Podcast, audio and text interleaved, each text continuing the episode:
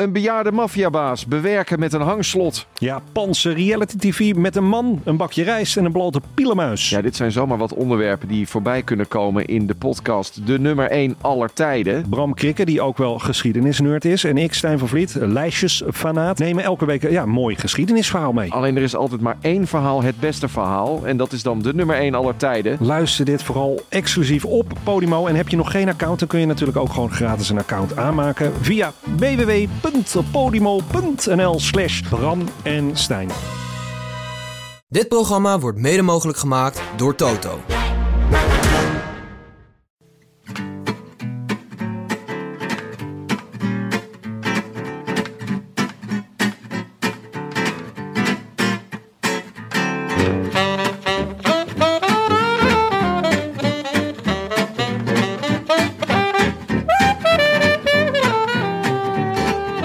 Het is vrijdag 28 december 2018, een van de laatste dagen van het jaar. En live vanuit het pittoreske Heukelum is dit de Rode Lantaarn, de wielerpodcast van Het is Koers.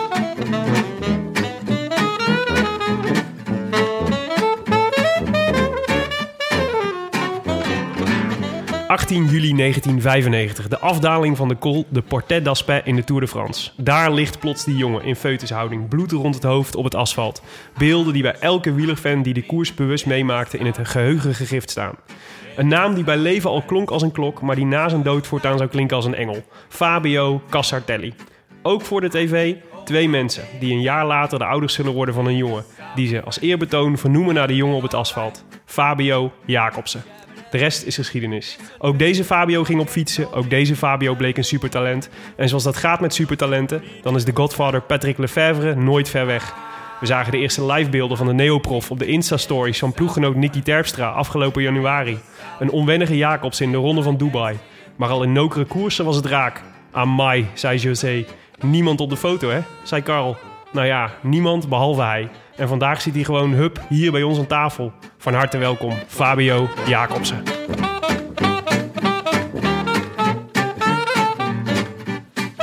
Ja, Fabio, een, eh, een intro van Willem, van Willem Dudok. een Dudokiaanse intro. Een soort eh, korte samenvatting van eh, het jaar. Nee, heel cool. Ja. Leuk dat je er bent. Hey, leuk dat jullie er zijn eh, hier in Heukelum. Ja, een, een, een buitengewone eer. Ja, we zitten hier dus in de keuken van, eh, van jouw ouderlijk huis, volgens mij. Ja, Dit is de plek waar je bent eh, opgegroeid. Ik woon nog thuis. Hier eh rijd ik mijn rondjes op de dijk. En eh, ik woon hier nog steeds en dat gaat heel goed. Ja, je zusje kwam net eh, even hallo zeggen. Gezellig. Ja, die, die eh, komt ook af en toe binnen en dan vertrekt ze weer. En, nee, Ja, leuk. nee, ik heb één zusje en, eh, en verder mijn ouders. Ja, het voelde heel, eh, heel vertrouwd, heel huiselijk. ja, precies. Hey, hoe, was je, hoe, wa- hoe was, eh, waren je kerstdagen? Goed, eh, bij mijn schoonfamilie eh, twee dagen, eh, een dag hier thuis. We zijn nog met wat vrienden, zijn we ook van het fietsen. Ja. een kerstdiner gehad. En nou ja, eigenlijk heel, heel fijn en lekker zoals het in het off-season een beetje is. Ja, want, nou ja, trainingsopbouw. ja, want het is niet echt meer off-season natuurlijk. We zijn langzaam... Je was al op trainingskamp geweest, hoorde ik? Ja, in Kalpen met de ploeg. daar staan we best wel druk met nieuwe sponsors, eh, aantrekken, alles. Eh, Nieuwe fiets. nieuwe fiets. Nog heel, ja, mag ik nog heel even terug naar het kerstdiner? ja. Wo- Word je dan ook dronken? Nee, niet dronken, maar ik heb wel een aantal wijntjes gedronken. Een aantal wijntjes, niet Maas. Geen Maas. Nee, nee, gewoon nee, lekker rode wijn. Of, eh, Oké, ik denk dat ik ook wel een biertje op heb. Nee, het, het was, eh, dan moet het gezellig zijn met kerst. En dan, Ja, ja. vanaf nu gaat de knop weer om. En dan gaan we weer trainen en eh, ervoor leven. Oh, je ziet er fit uit, ik kan niks anders zeggen. Ja, vanochtend nog gefietst, maar ik voel me goed. Ondanks dat het koud is, eh, gaat het lekker. Ja. Wat heb je, wat heb je gereden vanochtend? Drie uurtjes met een eh, maatje uit de buurt, Kelvin van der Dol. Die rijdt bij Vlasman Cycling Team, Mhm, ik weet niet ja. of kennen. Ja. Hè, die, eh, komt hier, die woont een dorpje hier verderop en samen een rondje geweest. Trainen jullie vaak samen? Ja, hij heeft ook nog een broertje, Jens, die fietst ook. Bij Metec volgend jaar. Dus we, we hebben hier zo, zijn we met z'n drie, gaan we wel eens trainen met elkaar. Zo'n vast groepje zo waarmee je kunt eh. Ja, e- eerst hadden we meer wielrenners. Er zijn een aantal gestopt, een paar verdwenen. En eh, Verdwenen. ja, ja die, die, die, Met het verhaal van Stefan de Jonge in, eh, in het maar- achterhoofd is dat een Nee, dubieuze opmerking. het, het, het- we hadden hier wel een, een renner of vier, vijf, denk ik. Maar we zijn er nu nog met eh, drie. Ja. Het, is wel lekker, grond. het is wel lekker toch, als je een beetje trainingsmaatjes in de buurt hebt. Die, eh, Ja, kun vind- ook goed alleen trainen? Nou, ik, ik rij wel graag op kop, zeg maar. Zeker als ik alleen of duurtraining zelf, dan rij ik graag op kop. Want eh, ja, in een groepje doe je toch al op trainingskamp en op koers. Dus Ja. ik, vind het wel fijn om een duurtraining gewoon met mijn neus in de wind of met vier. Eh, ja, we hebben niet, ik heb niet zo'n groepje als eh, Noord-Hollands Best. Dat is ook wel leuk en die maken natuurlijk veel kilometers en dat is goed voor de moraal. Maar ja, in principe rij je in je eentje natuurlijk altijd lekker in de wind. En daar word je ook sterk van. Ja. En krachttraining en zo, dat doe je... Ja. dat, Ja, dat- ja. die moet Ja, je ook. dat doe je gewoon in de garage of zo. Nee, we- de sportschool hier ook eh, in de buurt. Ja. Eh, in Asperen, in een dorpje verderop. Ja. Ehm, ja, dat is natuurlijk wel een, ga- een soort ga- geheim bekend wapen van me. De krachttraining. Ja, ja. Ik zie jou af en toe met eh, bizarre gewichten eh, Ja. douwen.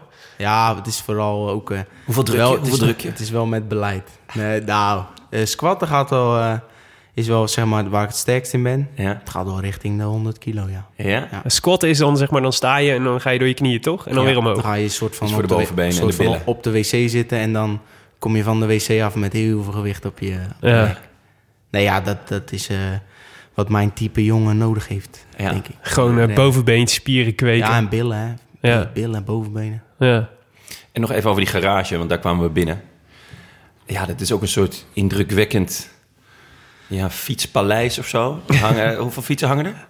Ja, een fiets of eh, zes of zeven, denk ik. Ja, Ja, die het is, allemaal, allemaal van jou? nee, het is eigenlijk de garage van Thijs. Is mijn vader en eh, ja, daar mag ik eh, mijn fietsen bij hangen en eh daar wordt geklust. En ja, die heeft, voor zover ik weet, altijd hebben de fietsen gehangen en gestaan. Je was heel blij met je nieuwe fiets, zei je, net toen we binnenkwamen. De nieuwe... Ja, een nieuwe fiets is altijd cool natuurlijk. ja, het zijn hele dure fietsen en de beste in de wereld, vind ik. Dat is die S-Works, toch, van jullie? Ja. Ook specialized. Ja. Dit jaar dan met schijfremmen. Ja, een topfiets. Merk je, merk je dat verschil? Een schuifremmen? Wat, wat is nou eh, ja, echt het verschil? Ja, je hebt veel meer controle. ehm, omdat met een kabel zit altijd wat rek op. En met hydraulische schijfremmen heb je dus veel meer controle. Want ja, als je knijpt, dan is altijd hetzelfde. Dus je went eraan en het is altijd hetzelfde. En eh, als je daar handig mee bent, kan je, kan je later remmen. En zelfs nog corrigeren in een bocht. Wat bij vellig remmen met de kabel minder is. En, en ben je daar handig mee? Ja, ik, eh, ik durf dat wel. ik, ik, ik heb vroeger altijd gecrossed. En toen ik crosste, toen was het al, allemaal nog velgrem. Was Lars van der Haar de eerste die met schijfrem ging proberen. En toen dacht ik, hmm, dat lijkt me wel wat. Toen ben ik richting de weg gegaan en het komt nu pas erdoor op de weg. En eh, ja, ik ben er wel fan van. Het is alleen jammer dat de wielwissels bij lekke banden... daarvoor zou je het nog kunnen laten. Want het is ingewikkelder. Ja, dan hebben we een soort bommachientje. En Mhm. dat, dat heet dan een snap-on. En die, die draait hem dus los of vast. Alleen ja, er moet dus een, door, een, een, een through axle. Dus een, heel, een as die er helemaal doorheen gaat en vastdraait. Ja. En dat duurt wel gewoon even. Gewoon langer dan een eh, normale wielwissel. Ja, een, een normale wielwissel is in principe sneller, maar gaat ook eerder goed. Ja. Bij een met schijfrem, de, die schijf moet natuurlijk precies tussen het blokje. Ja. En dan zit je hem zeker met een achterrem dat je en de ketting op het juiste tandje, het derieur, en dan het derde is dan die, die schijf tussen de blokjes. En dat is natuurlijk maar nauw. En het is met stress, dus dat is Ja. allemaal net. even- Arme mechaniciëns. Ja, nou, Ja, we, we, we hebben er, die kunnen het echt binnen de 30 seconden, dus dat valt mee. Maar ja, met een velge rem is gewoon sneller. Is dat dan ook eh, onderdeel van het trainingskamp? Dat die gasten dan eh, moeten, bandjes moeten, of wielen moeten wisselen? Ja, ze, nou, ze doen het wel veel. Nee, nee, bij ons zijn de mechaniekers heel handig. Ik, eh, Maar jij zal dus ook wel moeten, je moet dus altijd leren jezelf aanwennen dat als je lekker rijdt, dat je naar de juiste plek schakelt, zeg maar.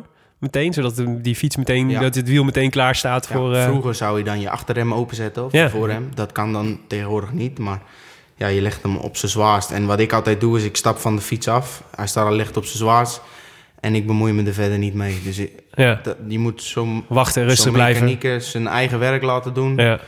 En eh, bij wijze van nog een, een geintje maken van... eh, nou, ik heb wel... Hey, schiet eens op, joh. Nee, nee, ik heb wel een goede dag vandaag of zo. Hoe is het met jou? En Ja. dat, hij dan even moet lachen. Nee joh, neem je van tijd. span- de spanning weg is.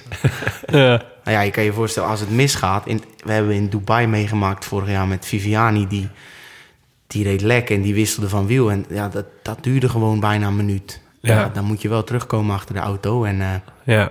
voor mij was dat niet nadelig, want ik was toen even een kilometer of 15 lang waande ik me sprinten van de quickstep ploeg.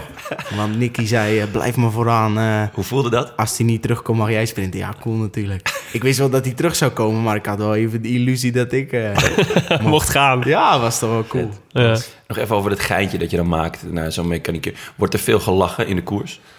Wordt er veel, ja, geintjes, schebbetjes, dat soort dingen? Ja, ik, eh, ik, nou, als ik toch als ik aan het koersen ben, probeer ik wel serieus te zijn. Maar op momenten dat het dat een geintje gemaakt kan worden, dat is voornamelijk meestal als de ontsnapping weg is en het gaat even rustig. Ja. Ik heb wel eens naast Jos van Hemden gereden en dan zei ik: Hey Jos, gezellig dat jij hier ook weer bent. En dan hebben we sowieso wat en dan is het wel leuk. Ja.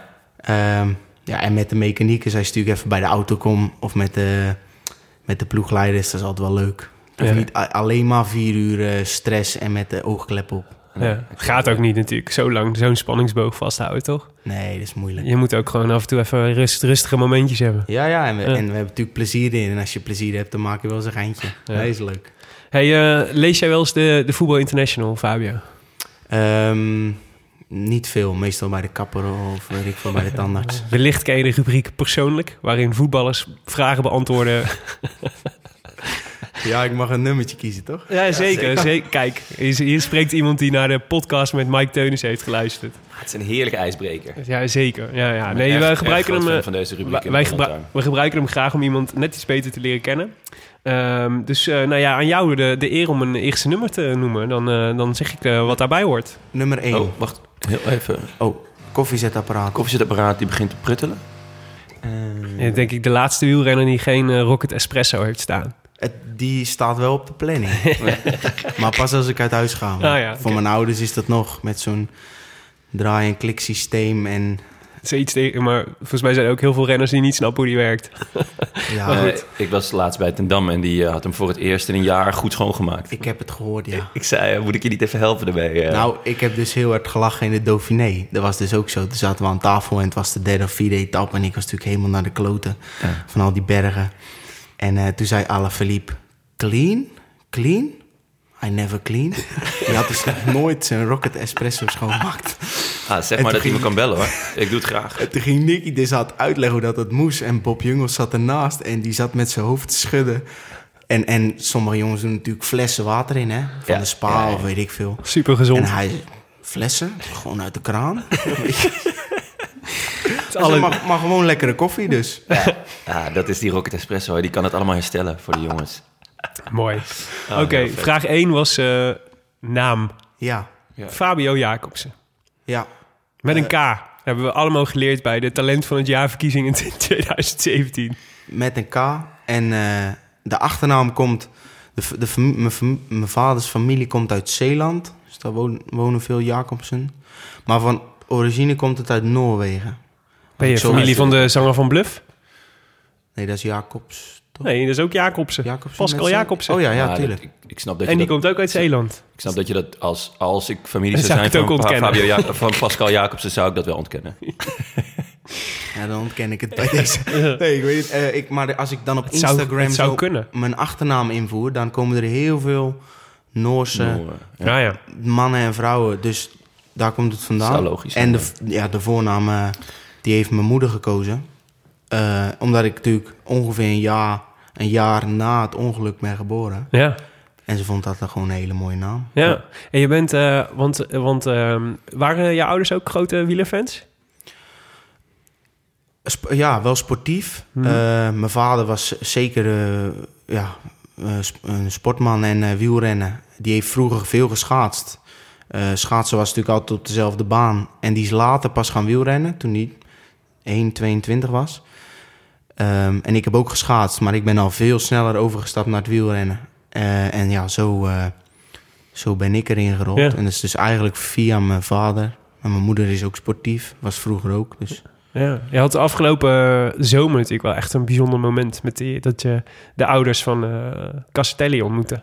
Hoe kwam dat eigenlijk tot stand toen? Weet je? Nou ja, daar, daar denk ik nog wel eens aan terug. Ik was met de avondetappe mee en eh, toevallig mijn, mijn, mijn oom, die, die volgt het wielrennen ook. En die zei zoiets als van... eh hey, jij gaat naar de etappe eh, met de afdaling Port d'Aspet. Ja. En toen zei ik ja, want ik had het ook gezien. Ik zei, heb je, heeft u het gezien? oom Ronald. En die, toen heb ik dus zeg maar, op de dag zelf tegen die mannen gezegd... oh, ik wil na deze beklimming in de afdaling wil ik even stoppen daar. Ik wil dat wel zien, dat monument. Dat, Ja. dat lijkt me wel, wel gepast om dat te doen. En toen zijn we daar dus gestopt. En toen was daar dus de soort fanclub... of nou, het is niet echt een fan, meer eh, in memorie van, denk ik... Ja. En die kwamen elk jaar, als daar de tour langs kwam, waren die ouders staan met vrienden. En die vierden, ja, niet, ik zal niet zeggen een feestje, maar die waren daar en die, daar hadden ze steun aan. En eh, ja, Het was gewoon toeval dus dat, dat je hun daar trof. ja was, niet, eh, was niet gepland. Ja. En dan ook nog eens bijkomend dat. Dus ik ben daar geweest. Ik weet helemaal niet wat er gebeurd is in de koers. Ik zie alleen op Twitter dat, eh dat Alaphilippe wint. En dan s'avonds, als ik de samenvatting kijk, zie ik dan Gilbert één of twee bochten later Ja. eroverheen gaan. Dat ik echt zoiets had van, nou... Ja, was allemaal wel heel indrukwekkend. Ja, het zal wel. En ik vond het zo'n mooi, eh, zo'n mooi moment dat ze jou, die moeder jou ook even zo vastpakte. Zo, weet je wel, even zo... eh, Ja, Ja. ja. ik, kon, ik, kon, ik wist mezelf niet echt een houding te geven. Achteraf heb ik wel eens gedacht... had ik mijn armen maar even om die mensen heen geslagen. Maar ja, ik, ik ben Ja. natuurlijk niet hun zoon... en ik kan hem ook niet terugbrengen. Maar ja, het, eh, Ja, ik denk dat zij wel iets zag... eh, ik was natuurlijk ook een wielrenner. En zeker Ja. toen ze natuurlijk Quickstep zag staan. ja. Ja, dat kennen ze. Dat, eh, Ja. Ja. Heb je, Ja, wist, ze, wist, ze, wist ze ook, eh, werd je, heb je ook verteld dat jij naar haar zoon vernoemd werd? Ja, ja, ja. Ja. Ja, want er, er was een, een, een- natuurlijk eh, er was een, eh, een vrouw die sprak goed Engels ook daarbij. En eh, ja, ik ben Fabio eh, van Quickstep en eh, ik ben ook wielrenner en ik kom hier kijken, want mijn naam komt ja. hier, van, hier vandaan of bij eh Casatelli vandaan. Ja. Ja, was eh, Ja, ik snap het wel. Hoor, dat Vergeet je, ik nooit meer. op- ja, maar dat je op zo'n moment weet je ook niet echt een houding te geven. Ja, zeg maar, je, je doet toch gewoon ja. waar, waar je op dat moment denkt van, nou, dit, dit is Mm. het juiste. Ik vond het Was prachtig. het, ja, was Ja, heel het was voor mij ook. mooi, ik ja. vond het heel, ik vond het, het was een beetje emotioneel en ik dacht daarna gelijk, goh, ik mag toch heel blij zijn dat ik hier nog ben en dat ik doe Ja. wat ik doe. En eh, ja, dat Philippe Joubert toen zo hard valt, dat was ook gelijk jemig. Ja. Dat kon er dan ook nog wel eens even Het is bij. fijn om het, eh, dat je het achteraf hebt gezien toen je wist dat het eigenlijk wel oké was. anders had ik misschien wel met tranen in mijn ogen gestaan. Ja, Ja. ja, ja, ja. Hey, ehm, eh, vraag 2. Jeugdidolen. Maar ja, toch wel. eh, ik ben toch wel van de generatie die Tom Bonen. En daarna keek ik toch wel op naar eh Nicky Terpstra. Omdat ik. eh, ik ben niet het type wat in de Rabobank ploeg paste. Was Waarom toen- Ja, da- daar hadden ze meer klassementsmannen. En, en bij mij is het wielrennen zo een beetje gaan groeien sinds, sinds dat ik naar de eerste klas ging. En toen was Rabo toch meer van, van, in mijn ogen van de klassementsploeg. Dat is ongeveer tien jaar geleden dat je naar de Ja. eerste klas ging? Ja. ja, Je bent 21, hè? 22. 22. Hey, en, en, en ja, Tom Bonen die was, eh, die was jong en eh, Die heerste echt. ja, die, Ja. die, de deed gewoon. En natuurlijk, eh, Fabian Cancellara was, had ook wel wat, maar ja, Tom Bonen was toch net, net even iets cooler. En het was ook een beetje een sprinter en ik wist al heel snel dat ik een sprinter was. Dus Ja. dan eh, ga je een beetje daaraan aan spiegelen. Ja, en later was het, ben ik toch wel fan geworden van Nicky. Om, om, deels om zijn interviews en hoe die, wat hij uitstraalt. En eh, wat ik zeg, die reed niet bij Rabo. En die deed helemaal zijn eigen zin. en dat vond ik ook wel prachtig. Een mooi, Ja. mooi voorland ook, om naar te kijken. Zo kan het dus, je kan het dus maken zonder de Rabo eigenlijk. Nou ja, vroeger was het natuurlijk heel moeilijk om, om zonder de Rabobank. En zelfs toen ik naar de belofte doorstroomde, toen bestond Rabo nog. En waren de laatste twee jaar. En ik ben uiteindelijk nooit bij Rabo eh, echt in beeld geweest, denk ik. Ja. Tenminste, ik ben nooit benaderd. Dus als ze me graag hadden willen hebben, hadden ze wel eerder gekomen. En eh, ja, dan ga je daar natuurlijk een beetje eh, mee associëren, of tenminste mee vergelijken. En eh nee, kom ik toch bij, bij Bonen en uh, Terpstra. Had je, ook, had je ook posters op je kamer hangen van, van Bonen? Nee, dat niet. Nee. nee, dat niet. Nee. Maar Het is wel apart dat je dan nu met, nou, met Bonen heb je niet meer gereden. Maar ja, die heeft natuurlijk ook, nee, die heeft natuurlijk wel een quickstep verleden. Ja, Heb je hem wel ontmoet, Bonen? ja, ja op, eh, we hadden Latexco 25 jaar feest. Ja, dat So- was- Sorry, de Latexco, vijf- de Latexco Ja. is een van jullie sponsors, ja toch? die was dus 25 jaar. Waren, sorry, ja, het is even in het korte. Ja. Ehm, die, die vierde was dus een feest. 25 jaar sponsor. En we zaten aan, met renners aan een tafel. En achter ons was nog een vrij lege tafel. Ik snapte het niet goed, maar ik denk, ja, ik, ik ga lekker eten. En toen keek ik halverwege het eten keek ik om. En toen keek ik zo de kopjes af. En toen dacht ik, hé, hey, die ken ik. en er waren Museo, Taffy, Van Petergem, Bonen. eh, nou, ehm Pozzato herkende ik natuurlijk gelijk aan zijn lang haar. Ja. Dus toen ben ik toch... Heb ik, heb ik mijn toetje heb ik laten staan. En toen ben ik zo naar die tafel toe geschuifeld. Toen ben ik iedereen een handje gaan geven. Ja? dacht ik, ja, dat moet ik meemaken. Mooi. En toen heb ik nog even met, met Johan Museo zitten praten. En, en, en even met Tom staan praten. En eh, ja, dat eh, was wel echt heel cool. Ken, kenden ze je goed? Ja, Wisten ze wie je nee, was? Ze, ze wisten natuurlijk ook wel wie ik was. Ja. Dat, was nog, dat was nog veel cooler natuurlijk. Ja, ja, zeker. Dat, eh, Wat zeiden ze dan? ja, Tom zei tegen mij van... ja, daar zat wel poeier op. dus dat is zoiets in het Belgisch als van krachtig. En Ja. ja. van Museo heb ik wel... Ik, ik, ik vraag gewoon een beetje advies. En die zei... je moet vooral blijven sprinten. Daar ben je goed in. En eh, ja, dat moet je blijven doen. Ja. Dus daar, daar, ja, dat zijn van die momenten dat je, de, dat je dan achteraf denkt, hè, Museo die dan wereldkampioen werd in, in Lugano. Dat zijn wel natuurlijk van oude beelden gezien. Ja, En, eh, ja. Die mannen staan daar dan en dat is wielerhistorie. Ja. Vet. ja. Ja, was echt cool. Daar zit wel poeier op. Die mag je ook wel eh, in eh steen Ja, bijten. die heb ik onthouden. Ik hoop dat er nog meer poeier op komt, zeg maar. Mooi zeg. Leuk. Tof. Eh, hoogtepunt. Een nokere koers. Nokere koers. Ja? Omdat het de eerste was? Of? Ja, omdat die deuren openden. omdat het een hele mooie koers is voor de toeschouwer om te kijken. We rijden daar rondjes van een kilometer of 15, 20. Het is daar omhoog. Ik hou, ik hou van een klein beetje bergop sprinten. Zeker op kasseitjes, dat, dat ligt me ook. Eh, ja, en het was de eerste. En dan in een quickstep shirt. En eh, In ja, België. dat is, ja, de, mijn familie was komen kijken, want het was eigenlijk de eerste koers met mooi weer. Ja.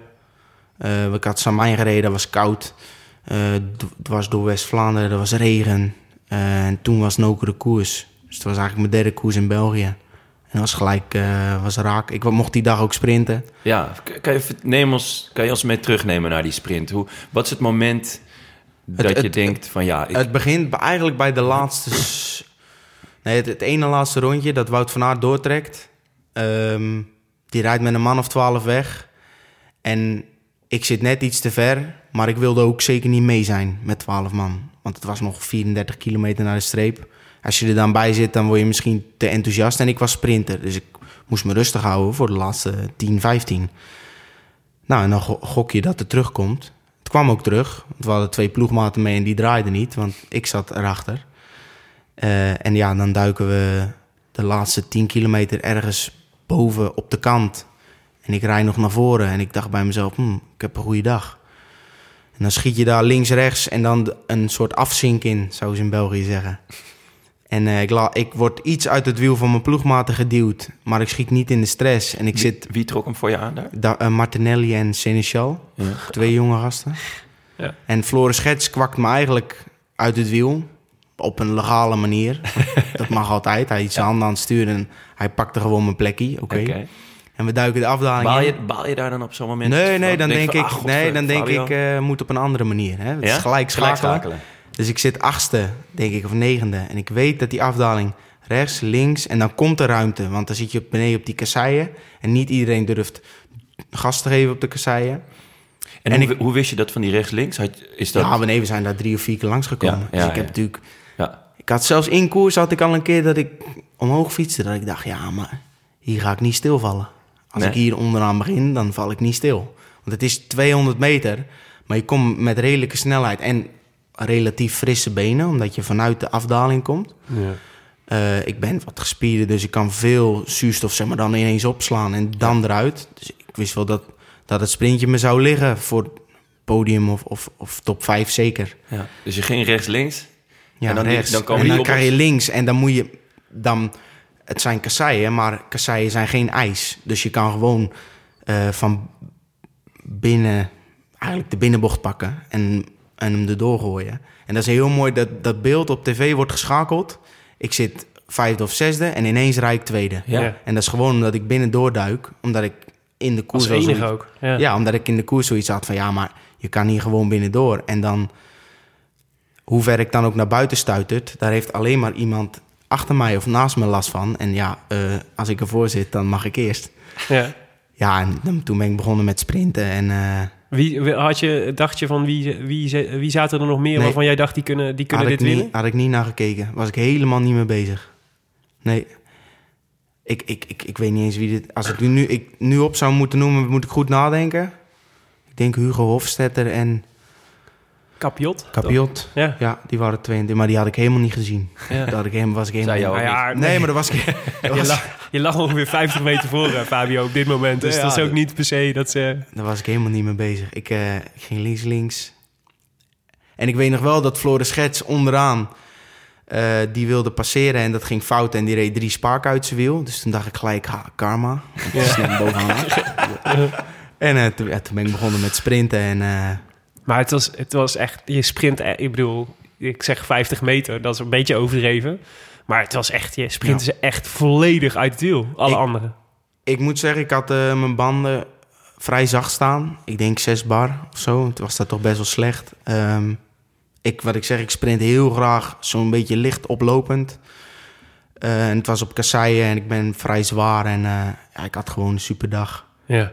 Ik was in Dubai geweest en in Oman. Dat was vreselijk zwaar geweest. De trainingskampen waren heel zwaar geweest. Maar op één dag zo'n koers.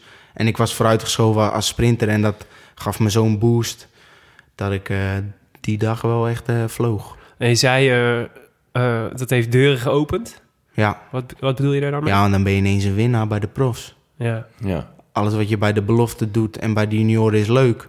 Maar vanaf dat je gewonnen hebt bij de profs... en misschien is Nokere dan subtop...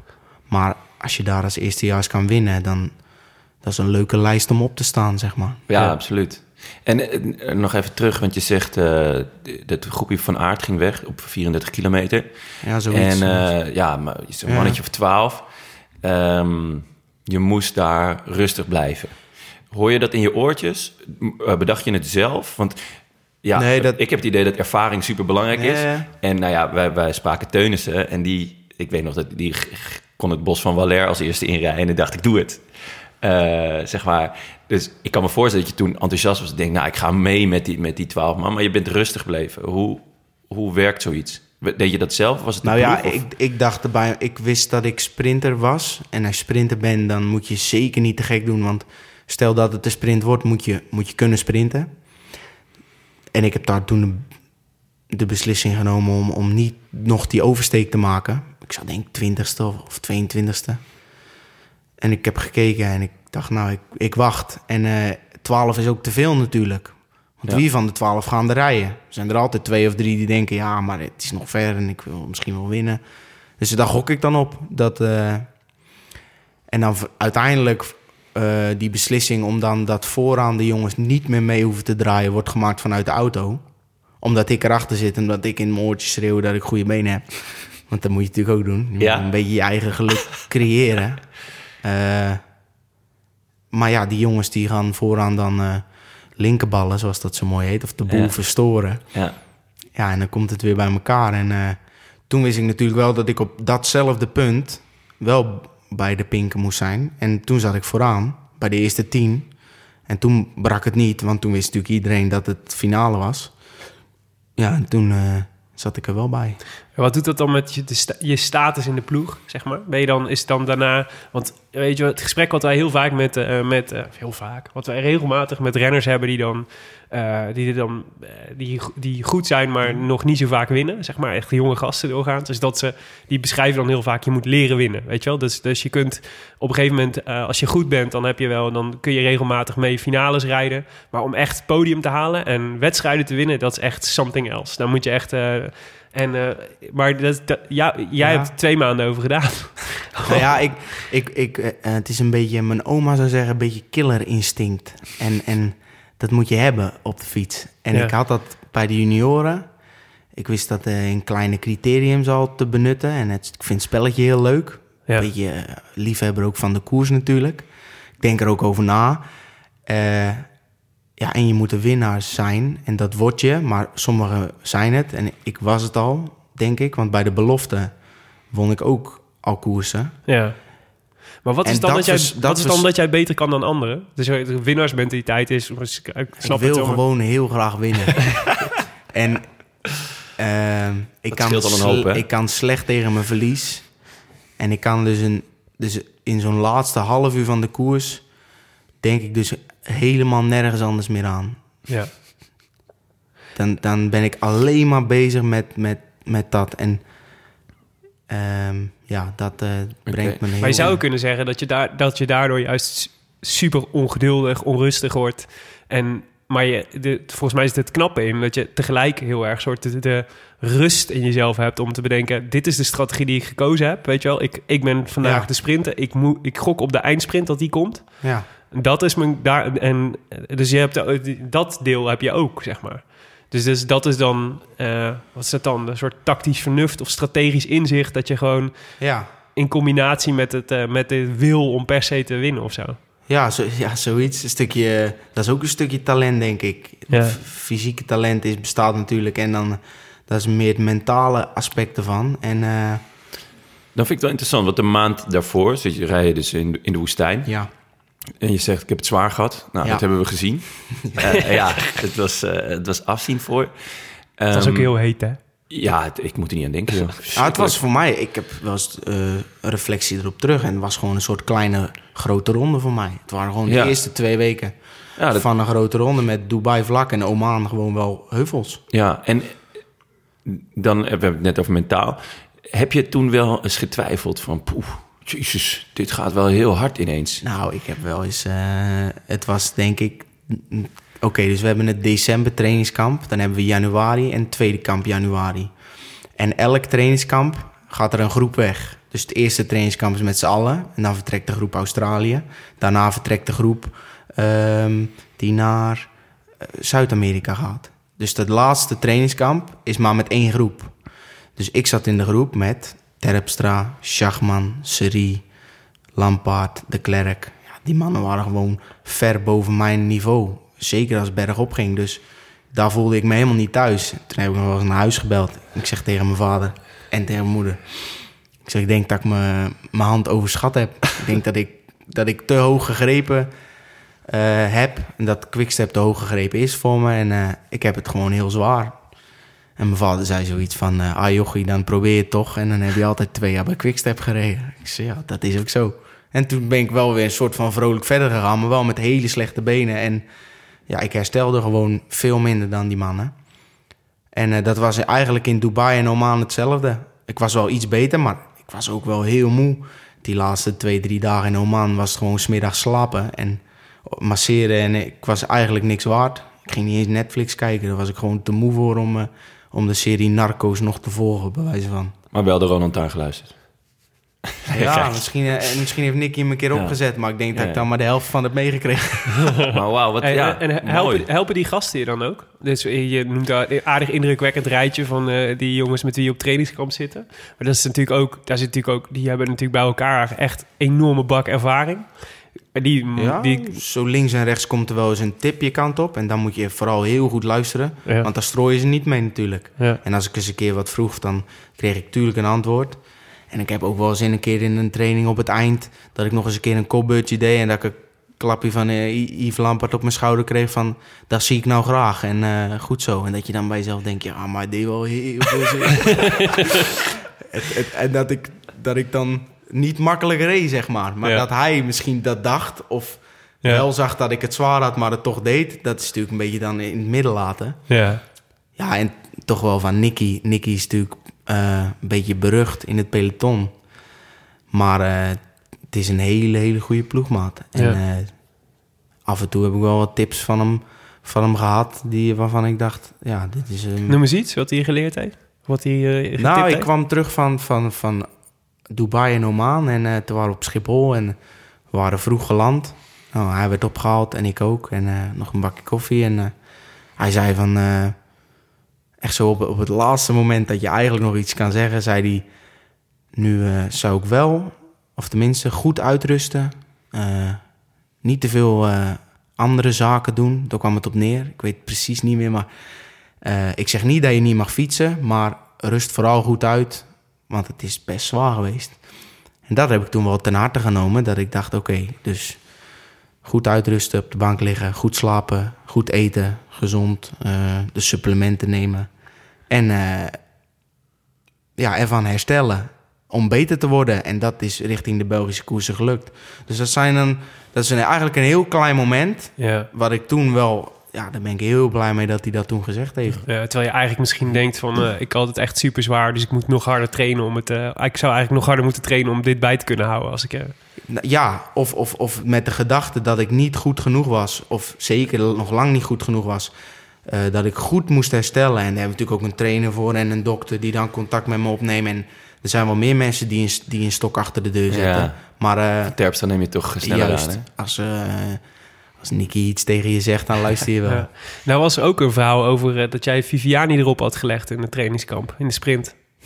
Wat, ja, wat nou, is daarvan waar? dat is eh, uitgelekt. dat hij daar niet heel blij mee was.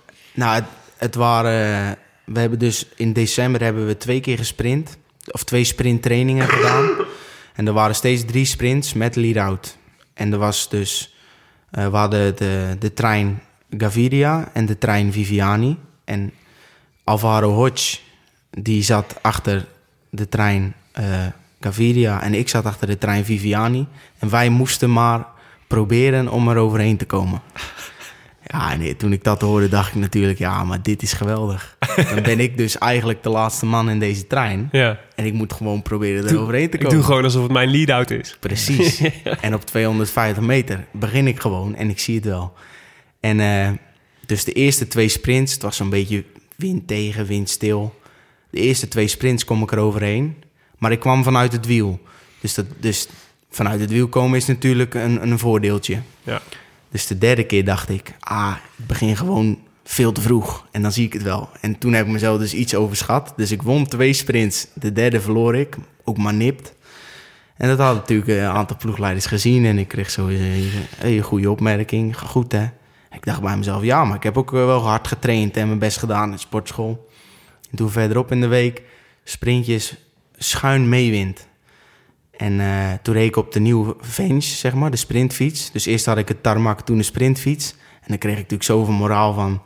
dat eh, ik denk dat die wind mee ging die eerste keer op een lengte... en de tweede keer op twee lengtes. En ik denk dat die de derde keer... Ja, heb, heb ik niet eens meer achterom gekeken. Want ik dacht bij mezelf, ja, ik heb, ik heb gewoon hele goede benen. En eh, ja, toen heb ik dus Viviani dus vijf keer van de zes keer geklopt.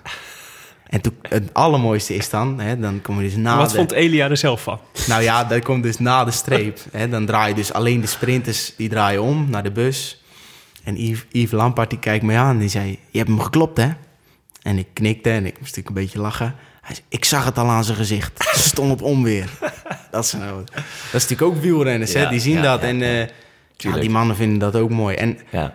achteraf, eh, ik weet niet wat voor reactie het heeft losgebracht... maar het was natuurlijk Elia's beste jaar ooit. Ja. Ja. Dus wie weet heeft hij toen gedacht... verdorie, die snotneus die eh, wint hier even een paar sprintjes van me. Maar ik had wel gelijk voor mezelf eh, de rela- relativering van... oké, hè, dit is op training en eh, ik moet het eerst nog maar eens laten zien na een koers. Ja. Of na een lange koers of zelfs in een grote ronde. Want die motor had ik helemaal nog niet. Maar drie kilometer lead-out ging goed. Ja. Heb je nou veel, eh, heb jij ook veel contact gedurende zo'n seizoen met Viviani en eh, Gaviria zijn natuurlijk de, zeg maar, de, en eh Hodge zijn natuurlijk de andere drie sprinters in de ploeg. I- Nou, eerst waren we eigenlijk niet eens sprinter, Hodge en ik. We waren gewoon eh, renner Ja. die gewonnen hadden. En eh, we zaten in de trein en we hielpen. Eh, en toen was het contact denk ik nog wat meer. Want toen zat, ik zat bij Viviani in de trein in Dubai. Hodge was mee naar Zuid-Amerika in de trein van, eh, van eh, Fernando. En daarna zijn we eigenlijk zelf sprinters geworden. En toen zijn we wat meer losgekoppeld. Maar ja, we hebben, ik, heb niet, ik heb niet veel contact. Ik had meer contact met Nicky. Ja. Ik lag, wel, ik lag met Nicky op de camera als Nicky er was. En, en ik ook. En dan... ja, dat valt mee. Dat is toch een beetje... eh, Maar Viviani is dan misschien ook gewoon, omdat het ook gewoon meer een concurrent is binnen de ja, dat bedoel ik. Ja, Ja. Tuurlijk. Het is gewoon, eh, het is gewoon een keiharde concurrentiestrijd. Maar ook binnen de klassiekrenners binnen Quickstep. Ja, Ze, ze, ze zijn samen sterk, maar eh, het is ook iedereen zijn eigen BV. ja natuurlijk. Ja. Ja. Ja. Mooi, mooi om te zien. En eh, oh, nog even over Hodge. Ja. Want jij wint eh, dus uh, Nokere. En twee dagen daarna eh, is dus de Handzame Classic. En ja, ik zat te kijken en ik denk, nou... Misschien dat ik wel even naar Unibed ga. Dat ik Jacobs alvast... eh, nou, Ja. Dat ik nog een paar tientjes pak. eh, Heb je dat gedaan of niet? Nou, het zou zomaar kunnen dat ik een tientje verloren heb. Want Dus daar willen we het graag nog even met je over hebben. Ja, nee, logisch. toen, toen jij trok de sprint aan, toch, voor Hodge? Ja. En is dat dan van hoger af? Of Ja. had je mindere benen? Of Nee. Hoe, hoe werkt het? Want je zegt... Twee, twee koersen in België. Twee sprinters. En de een mocht de ene keer sprinten. En de ander de andere keer. En jullie winnen allebei. Ja. Vet. En ik mocht sprinten in Nokeren. Daar was ik eerst een beetje kwaad over. Want ik dacht, verdorie, dan moet je echt ook wel heel goed zijn om aan sprinten toe te komen. En handzamen is iets meer zoals een sprintetappe in een, in een grote ronde. Dat wordt een sprint. Ja. 9 van de 10 keer. Maar toen dacht ik bij mezelf, ja, dit is, eh, het is in ieder geval een kans die ik krijg en ik probeer hem te pakken. Ja, en dan ben je natuurlijk eh, deels euforisch en die jongens hadden me toch wel allemaal geholpen heel de dag. Alvaro had me in Noker ook een paar keer naar voren gereden door de wind. Dat ik bij mezelf dacht, dit hoeft niet, maar hij doet het. Toen zei ik, eh, toen kwam de ploegleider zo op de kamer en dat was natuurlijk een beetje aftasten. Want eh, ik was natuurlijk sprinter en ik had ook gewoon met mijn vuist op tafel kunnen slaan en zeggen, ja, mijn ho is Ik ben in topvorm. ik Ja. heb daar gewonnen, ik wil nu ook. Maar ik zei, nou, ik denk dat als ik de sprint aan moet trekken voor Alvaro, dat, dat, het, eh, dat hij wint. En Toen keek die ploegleider me aan en ik zei, ja, ik wil dat doen, want dat is zo afgesproken, dus dan, eh, dan gaan we dat doen. En toen eh, mocht ik zelfs eh, mocht ik een beetje bepalen hoe dat het ging gebeuren. Dus toen heb ik tegen Yves en tegen Martinelli gezegd, nou, hè, de wind komt een beetje van rechts, ik wil van door de wind komen en jullie zetten ons maar af. Ja, en toen heb ik van 500 tot 300 heb ik hem uit de wind gehouden. En toen wilde ik eigenlijk aanzetten om te gaan sprinten. En toen schoof hij al langs me en toen reed hij zo naar de overwinning. En ik zat nog aan zijn wiel, want ik dacht, ja, ik kan beter aan zijn wiel zitten dan, dan iemand anders. toen ben ik maar rechtop gaan zitten en met mijn handen in de lucht. Want ik denk, ja, ik moet ook niet tweede of derde worden, want het ziet er ook wel weer raar uit. Dat Nee, had joh. eigenlijk prima gekund. Ik denk dat ik het wel ja, podium, had had nog kunnen, over. podium had kunnen rijden. Maar eh, mijn taak was Alvaro afzetten. En dat heb ik zo goed mogelijk gedaan. En daar win ik dan, denk ik. In mijn optie win ik daar dan de koers. Ja. Dat was mijn taak. En eh ben ik ook heel blij mee dat ik dat gedaan En is, heb. is daar zijn status ook veranderd? Dat denk ik wel. Maar hij wint daarna volgens mij in Catalunya. Ja. Als hij Jan samen niet had gewonnen, had hij daar zijn status verdiend. Ja, ja. Want hij was daar ook de enigste snelle man. En eh, hij is ook gewoon heel snel. Ja, ja want het is misschien een mooi, mooi sprong naar, naar het vooruitzicht, naar het komend seizoen. Ja. Gaviria is weg.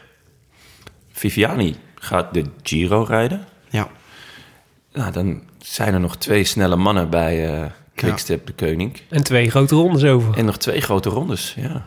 maar ik denk als jij 17 koersen wint, dan eh, moet je ook wel naar de Tour, denk ik. Ja, Viviani gaat ook voor, gaat voor de dubbel? Volgens mij wel. Ja, zoals het er nu naar uitziet wel. Ja, is ook logisch. Wij worden gespaard, ook voor de Giro. Elias natuurlijk Italiaans kampioen. Ja, die moet daar gewoon rijden. Die dat is wel doet, logisch. die doet Giro Tour. En eh, de Vuelta is dan een groot vraagteken voor ons allebei. Ja. Of zou, je het, eh, zou je het willen? Ben je er klaar voor? Als de, grote als, ronde? als de ploeg me er klaar voor acht, dan wil ik er naartoe. Maar als ze zeggen, nou, Fabio waarschijnlijk niet, dan doe ik het liever niet. Want het, ze hebben ervaring genoeg en eh, Ja. ik moet er wel beter van worden, ook op de lange termijn. Maar we hadden het in de auto nog over dat het soort... eh, Het is natuurlijk raar als je zo'n geweldig debuutjaar hebt. Weet je wel, echt, echt fantastisch. En ook boven verwachting volgens Ja, mij ook Moeten al... we dat nog even opnoemen, zijn eh, palmares? Nou, ga je gang. leuk, dat is misschien wel leuk. Eh Scheldeprijs. Nou ja, de Nokenkoers hebben we Ja. natuurlijk. De eerste etappe van Tour des, des Fjords, waarvan we je prachtige trofee hebben gezien. Echt Ja. een, eh, eh, de eerste etappe in de Binkbank Tour. Dat is echt de World Tour, hè? Ja, ja, ja. dat was de eerste wil toe, ja. Vierde etappe ronde van Slowakije. Derde en zesde ta- etappe van de ronde van Guangxi. En daar pakt hij ook het puntenklassement. Ja, Je vergeet er nog één. Ja, welke? niet de minste. Die? Fabio. Scheldeprijs. Nee, die zei die. De Ronde van Maden. Oh ja, profiteer van maanden. Ja, Kom mijn oude trainer vandaan. Ah, ja? dus... eh, ja, die- Willem die- komt er ook die- vandaan. Die mocht ik dus winnen voor Nicky Terpstra. Dat vond ik wel heel cool. Mocht je winnen, kan je, kan je dat verklaren? Ga je nou... Nou ja, dan moet- de, de- de- we moeten dan natuurlijk de, de, de prijzen verdelen. En eh, Nicky zei, ik trek de sprint voor jou aan. Dus dan, eh toen mocht ik winnen. Schitterend. Staat er ook mooi op je palmares. Ja, nou, Nooit vergeten hoor. We hebben ooit, Kijk, eh, ooit in het eerste jaar van de Rode Lantaarn Michael Bogert geïnterviewd. Die was het vergeten dat hij de Ronde van Maden had, eh, had gewonnen. Oh, nee, dat weet ik nog Toen wel. dacht ik, dit is echt eh, is not done in deze podcast. Oh. Ik heb hem bij de junior ook gewonnen. Is een eh venijnige laatste bocht. Zeker. Ja. Vaak, eh, vaak genoeg mensen onderuit zien gaan. Oeh, Ja. er zijn wel wat sleutelbenen gesneuveld, denk ik, daar. ja. Voor die kroeg. Maar ja, eh, Willem, jij vroeg eh, naar ja, zijn debuutjaar. Ja, nee, ja, dit dus- debuutjaar. Ja, Hoe dit debuut, nou ja, precies. Dus de, de- waar we het in de auto over hadden, over dat het soort die- zo'n bizar goed debuutjaar is. Ja. Dat het. ehm, eh, dat wij eigenlijk alweer denken van... God, eh, die Jacobsen moet gewoon lekker de Tour gaan rijden. Want, daar, eh, want die is het is een supergoeie sprinter. Dus er is geen reden om aan te nemen. Maar dat, volgens mij de verwachtingen van de buitenwereld... zijn natuurlijk ook dan meteen veel hoger. En dat, Nou, ik kan me voorstellen dat het ingewikkeld is... om jezelf een beetje koest te houden. En zeg maar over de lange termijn in de gaten te houden. Ja, maar kijk, de eerste week in de Tour is natuurlijk is heel veel stress. Maar als ik een keer goed zit ehm, en ik heb snelle benen, alleen er is natuurlijk ook ergens wel een soort hiërarchie in het wielrennen. Ja. En eh, ik heb heel veel respect voor, voor Elia en ook bewondering. En ik denk, als het een keer is voor hem om naar de Tour te gaan, is het nu. En ik denk dat voor mij eh, misschien iets te vroeg komt. Want wat gebeurt er als ik wel ga en het is gewoon het helemaal niet? Dan eh, ben je op, op een schavot gezet en dan zaag je jezelf bij je knie af. Ja. Ehm, Hoe hoog zijn je eigen verwachtingen voor dit seizoen? Zou, ja, want ja, de verwachting is bij ons zijn. ik, dus, hoop, dus- ik hoop dat ik, ik, ik, ik verwacht even goed te zijn als vorig jaar. Dat hoop ik ook. Maar ik verwacht niet dat ik nu nog weer een paar procent beter geworden ben. Het kan zomaar zijn dat ik beter sprint, harder sprint eh, en sterker ben. En wel eh, in plaats van vijf overwinningen, vijf keer tweede of derde wordt. ja, Want ehm, ik heb er dus nokere koers. Dat was dus, dus het zijn eigenlijk, zoals ik het zie, het is nog niet de, de crème de la crème van de overwinningen. En het, kan heel, het is heel lastig om echt in een Parijs-Nice of in een Kuurne, Brussel-Kuurne of in een Wevelgem nog weer een overwinning te pakken. En dat is natuurlijk automatisch de volgende stap waar je naartoe kijkt. En ik kijk daar zelf stiekem ook naartoe. Alleen dat is nog wel even next level. Daar is iedereen aanwezig die goed is. En eh, dat wordt, wordt nog lastiger, maar daar, daar, daar, doe ik mijn best voor. ja. Maar je hebt er wel, wat ik interessant vind, is je hebt natuurlijk... Want ehm, toen je bij Seg Racing zat, toen kon, je kon eigenlijk al een jaar eerder prof worden, toch? Ja, vol, mijn managers zeiden dat, dat Roompot geïnformeerd had. Maar toen dacht ik, oh, dat is cool. En toen werd eigenlijk na, direct na het NK ben ik op het hoofdkantoor geweest. Met mijn vader samen. En toen zei ze, Fabio, we willen je heel graag een jaar bijtekenen. Bij Seg Racing. Ja, bij Ja. Seg Racing. Toen zeiden ze, hè, mocht je nou... Nee, dat was, so- so- sorry, dat was voor het NK. Toen ben ik geweest. Toen zeiden ze, we zijn tevreden met je. Je hebt één koers gewonnen. Dat was een, een wereldbeker in Zeeland, World Cup, bij de belofte. Eh, we willen graag dat je nog een jaar blijft. Want we denken dat je dat derde jaar goed kan gebruiken.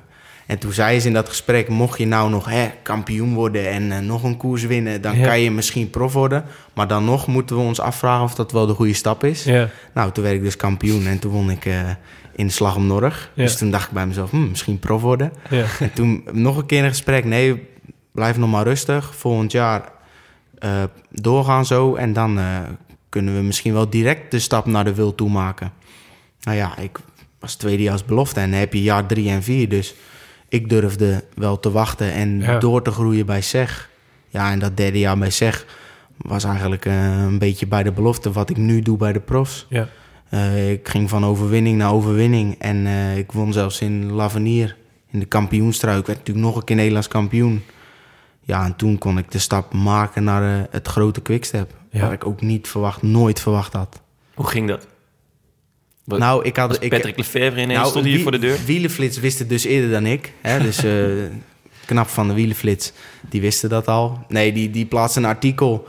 Eh, het enige wat ik wist is, ik werd Nederlands kampioen. En toen zeiden mijn managers, eh, een berichtje van Lefevre, hij feliciteert je. Toen zei ik, oh, bedankt. En eh ik bedank hem van me. En toen wist ik wel, oeh. Lefebvre feliciteert nooit nee, zomaar iemand. Nee, ja, dan Hij heeft mij nog nooit gefeliciteerd. Nee. Dat bedoel ik. Toen wist ik wel, ik sta nu eh, op een radar. Maar eh, ook van huis uit wordt er dan een beetje de verwachting iets getemperd. Van eh, nou, doe maar rustig aan, jongen. Want eh, dat is wel heel mooi. Dat zijn zeg maar de droomploegen. Maar ik had heel erg gehoopt dat, dat een Lotto Jumbo me, me zou willen. En die zijn ook uiteindelijk gekomen.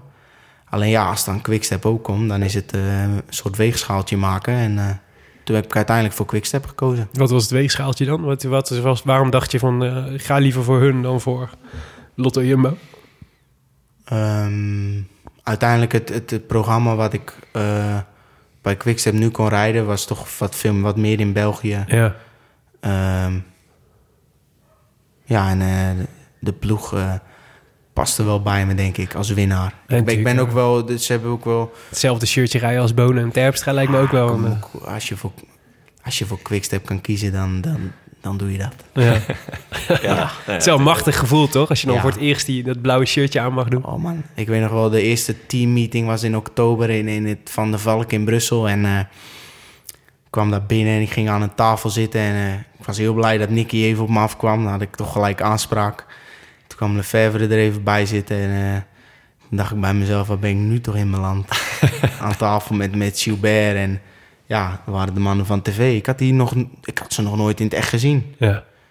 En eh, nou, nu zat ik ineens de avond, aan het avondeten met ze. En eh, dat was allemaal heel indrukwekkend. ja, geloof ik. Ja, Ja. is cool. Nice. Hey, en, je, en je maatje van uh, Zeg, die gaat nu ook, wordt nu ook prof. Ja, Julius. Julius van den Berg. Nou, ik, ik ben dus met Julius ben ik dus begonnen. hè. Hetzelfde, eh, hetzelfde bouwjaar, 96. Ja. En eh, ja, we waren wel eh goede maatjes. En ik weet nog het eerste trainingskamp hadden we allebei ver boven de 15% vet. Want dat werd natuurlijk opgemeten en we waren veel te dik. en eigenlijk ook niet sterk. Maar we hadden plezier in het fietsen. En ik denk dat we elkaar wel naar een hoger plan getrokken hebben. Ik, dat ik, ik was vrij, vrij streng en gefocust. En Julius was iets losser. En daar hebben we elkaar wel eh, de balans samen gevonden, zeg maar. We zijn ook samen een keer de winter naar Girona geweest. En eh Julius is ook echt een, een liefhebber van, van fietsen en finale rijden. En dat die wil ook winnen. Ja. Voor Julius is het dan iets moeilijker omdat hij een ander type renner is. Maar dat is wel ook echt een winnaar. Wel super cool, toch? Dat je dan straks allebei in het profpeloton rondrijdt. Ja, nou, de Bing Bang Tour hebben we samen gereden. Ja. En ik zei gelijk tegen hem, nou kom je op de foto. Twee, eh, de twee dikkers, die, eh, die, die zijn begonnen bij SEG. En eh, ja, was, ik heb ook heel veel te danken aan Julius. Omdat hij, Tom bij de belofte, trok Julius gewoon sprints voor me aan. Ja. Omdat dat de enige was die dat eigenlijk kon. En die eigenlijk ook gek genoeg was. Want als lead-out man moet je ook wel veel risico's nemen. En die heeft me gewoon twee of drie keer goed afgezet. En daardoor door hem kon ik winnen. Ja. Ook. Mooi, hè? Dus er las laatst een artikel over Dumoulin. Dat hij eh, vertelde over dat hij, eh, dat hij... Een van de dingen waar hij het meest van geleerd had... was dat hij in zijn eerste jaren bij ehm Skills... en nee, nou, wat, hoe heette die ploeg die daarna was? Shimano? Ja, dat hij, Shimano? dat hij de sprints... eh, dat hij lead-out moest zijn voor Kittel en eh Degenkop. Ja, ja, ja. Hij zei, dat is, dat is waar je echt leert koersen. Ja. Daar dat heel, veel, eh, een- heel veel minder bang sinds hij dat gedaan had, zei hij. ja, het lijkt me echt verschrikkelijk. Zo, ja. Ja, ik weet het niet. Ik, ik, ik kijk daar heel anders naar. Want ik vind dus bijvoorbeeld een afdaling vind ik veel gevaarlijker. Ja? Ja, als je daar toch een foutje in maakt en je gaat de reling over... of dan denk ik terug aan, aan Richie, Richie Poort, die daar Ja. een bochtje mist. Ehm, in een massasprint, oké, hè. eh, doet ook zeer, maar is vaak een schuiver. Eh zelden de, ja, een sleutelbeentje, maar Heb je je sleutelbeen al gebroken? nooit... Nou mag ik wel op de tafel. Ja, zeker. Dan mag je wel aan de tafel zitten. Nee, we- de- nog nooit. En eh, ik denk dat dat ook te maken heeft met inschatten van risico. Ik, ik ga niet overal blind in en ik probeer niet alles. En waarvan ik denk dat het gaat, dat doe ik. En wat niet gaat, dat doe ik niet. Ja. Maar dat heb je natuurlijk ook niet altijd zelf in de hand. Ik bedoel, Er zijn toch ook gekkies in het peloton? Zeker, alleen, Bouhanni, ja, Ja, heb je daar wel eens tegen gefietst? ja, ja, in Dubai. Toen ging hij in de laatste etappe, in de laatste bocht, nam hij drie of vier andere sprinters mee. Het kon Elia uiteindelijk winnen. Dat heeft me een hoop geld opgeleverd. Voor die rondklassement. Dus Bouhanni bedankt voor deze. Vaker doen. ah, dat Bouhanni gewoon de bonus voor je binnentikt. In Oh, Dubai. heerlijk. Dat ja, is wel ik, lekker. was- ja. ik, ik heb gelijk staan rekenen. en toen zei Tim de Klerk zoiets van... Zo, je hebt het al uitgegeven zeker? Ik zei, nou, bijna. nee, dat was... Nee, ik... ik, ik eh, dat was mooi. eh, Sabatini, er staat een lead-out van Kittel was dat dan. Die kwam naar me toe en eh, die zei zoiets in redelijk ge- gebrekkig Engels. Die mannen spreken natuurlijk altijd Italiaans. En die zei zoiets van, hey, kan je een beetje duwen? En toen deed hij zo zijn elleboog naar buiten. En ik zei, ja, natuurlijk kan ik dat. Toen zei hij, doe maar niet. Wacht dan maar mee. Ik zeg, oké, dan doe ik het niet. Toen had ik wel door van, oké, hij mag dat, Ja. Elia mag dat, maar ik hoor in de trein en ik doe dat niet. Ja. Dus het was wel, het is toch wel een soort, daar is me wel een beetje ook het respect bijgebracht. Ja. Want bij de belofte had ik dat helemaal niet hoor, daar keek ik nergens naar. En dat deed ook niemand trouwens. Er was natuurlijk iedereen vocht voor een profcontract. En eh, zo gek als het in Tour de l'Avenir eraan toe ging in de sprints, heb ik nog zelden gezien. Hè? Dat Nee. was echt veel. eh, ja, links knokken. naar rechts Ja. en duwen en, en sommige jongens zelfs schelden. Ja, ik deed dat dan niet, want ik dacht altijd van bocht later ben je de mijne. En duik ik weer voor jou, dat is ook goed. Maar bij de profs is dat ik, iets minder. Het gaat harder, maar er is toch een zekere mate van respect voor elkaar. Tenminste heb ik het idee en dat probeer ik zelf ook uit te mooi. stralen. Mooi. Hey, wat, is, wat weet je al wel van je programma van het komend jaar? Ehm, beginnen in de Algarve. En daarna Kuurne, Brussel, Kuurne. Samijn. En dan eh, een grote cirkel om Parijs-Nice. Ja, dat wordt belangrijker. Ja, ik denk voor mezelf en ook vanuit de ploeg... als ik daar een etappe zou kunnen winnen... Mhm. Je bent sprintkopman daar. In, eh, ja, dan ga ik mee als sprinter. Nice. Ja, en dat zou weer een stapje erbij zijn. Ja. Maar wat ik zeg net, je kan daar drie keer tweede worden... of een keer derde, weet ik veel, een keer zesde... en eigenlijk een hele goede sprint rijden. Maar dat er gewoon net die telkens iemand beter is. Ja, dus er zijn Ja. natuurlijk heel veel goede sprinters eh, op de wereld. En daar in Parijs-Nice is het veld ook gewoon... Ja, dat zou je, zou je bijna kunnen zeggen dat dat, eh, Dat is top. een klassieke winnen is voor me. Ja. Op, zeg maar onder de sprints. Ja. En in Kuurne, Brussel, Kuurne, ben je daar ook eh, Ja, dat- dat- daar mag ik ook mee, ja. ja, als sprinter? Ja, want Viviani zit in eh, de UAE Tour. Oh ja. Dus ja. natuurlijk nu Dubai en Abu Dhabi samen. ja. Maar in Kuurne ben je natuurlijk wel weer ook voor een groot deel overgeleverd aan het koersverloop. Maar als het een sprintje wordt, dan eh, wil ik er graag bij zijn. Oké. En rij je dan ook de omloop? Of, eh, Nee, die niet. Ah, Oké, is echt Maar een- wel reserve, maar Ja, ik mag me fris houden voor Kuurne. oké, nice. Het is natuurlijk ook best wel dringen in de voorjaarsploeg van... eh, Tuurlijk. Nee, ik ben al lang blij dat ik een aantal koersen... eh, dat ze erover nadenken om me mee te nemen. Ja, Ehm, misschien moeten we even een paar eh, luisteraarsvragen doen. ja is leuk. Toch? Ja. Nee, wacht. Ik heb nog één vraag. Want je had eh, best wel een lang seizoen, hè? Dus niet, je zei al van weinig koersdagen, maar wel echt van, Ja. eh, van Dubai tot aan eh, Guangxi. Wat Ja. een beetje de laatste wedstrijd is. Ja, ja, ja. Hoe, de- die Guangxi is altijd een beetje raar. Dus, dus toch dat je keer in China aan het koers... Dus het lijkt me een raar land om te, om te moeten fietsen. Ja, het, het, het, het vreemdste was eigenlijk nog... Het is zo goed geregeld. Het is bijna... Het is natuurlijk gewoon op het communisme af.